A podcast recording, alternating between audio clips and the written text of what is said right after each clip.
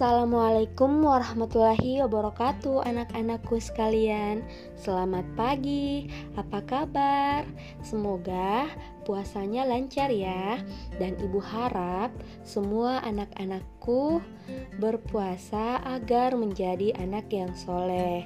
Kalau kita menjadi anak soleh akan masuk ke surga. Amin.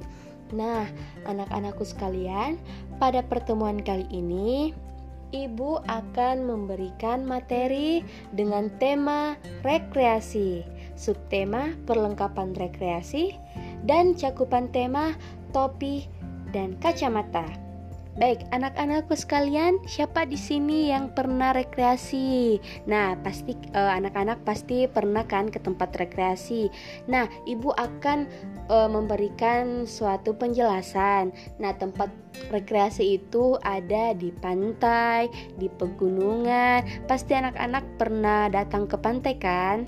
Nah, di pantai itu biasanya ada apa? Ada air. Ada apa lagi? Ada tempat untuk berteduh, untuk berjemur kan. Nah, kalau kita ke pantai biasanya membawa perlengkapan apa? Kalau ke pantai, kita membawa topi supaya tidak kepanasan. Selain topi, biasanya kita juga memakai kacamata guna melindungi mata kita dari paparan sinar matahari. Nah, selain itu, perlengkapan yang lainnya masih banyak ya, anak-anak. Bisa membawa makanan, kita bisa makan-makan di pantai, bisa juga membawa payung supaya nggak kepanasan. Nah, jadi sekarang tugas anak-anakku sekalian itu ibu akan memberikan tugas di rumah untuk menggambar topi, lalu mewarnai dan juga menggambar kacamata dan juga mewarnai kacamata dari gambar yang telah anak-anak gambarkan. Nah, jadi warnanya terserah mau warna merah, mau warna pink, mau warna biru, yang jelas warna kesukaan dari anak-anakku sekalian. Jadi bebas ya, Nak, mau warnanya seperti apa, mau model topi dan kacamatanya bentuknya apa.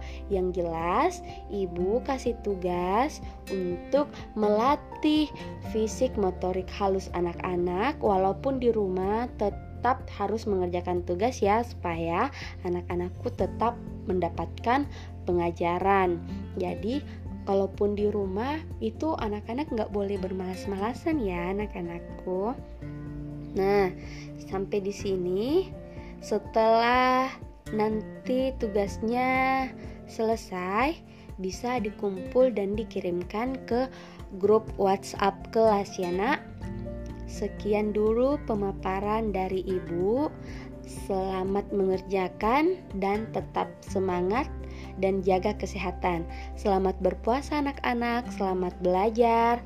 Wassalamualaikum warahmatullahi wabarakatuh.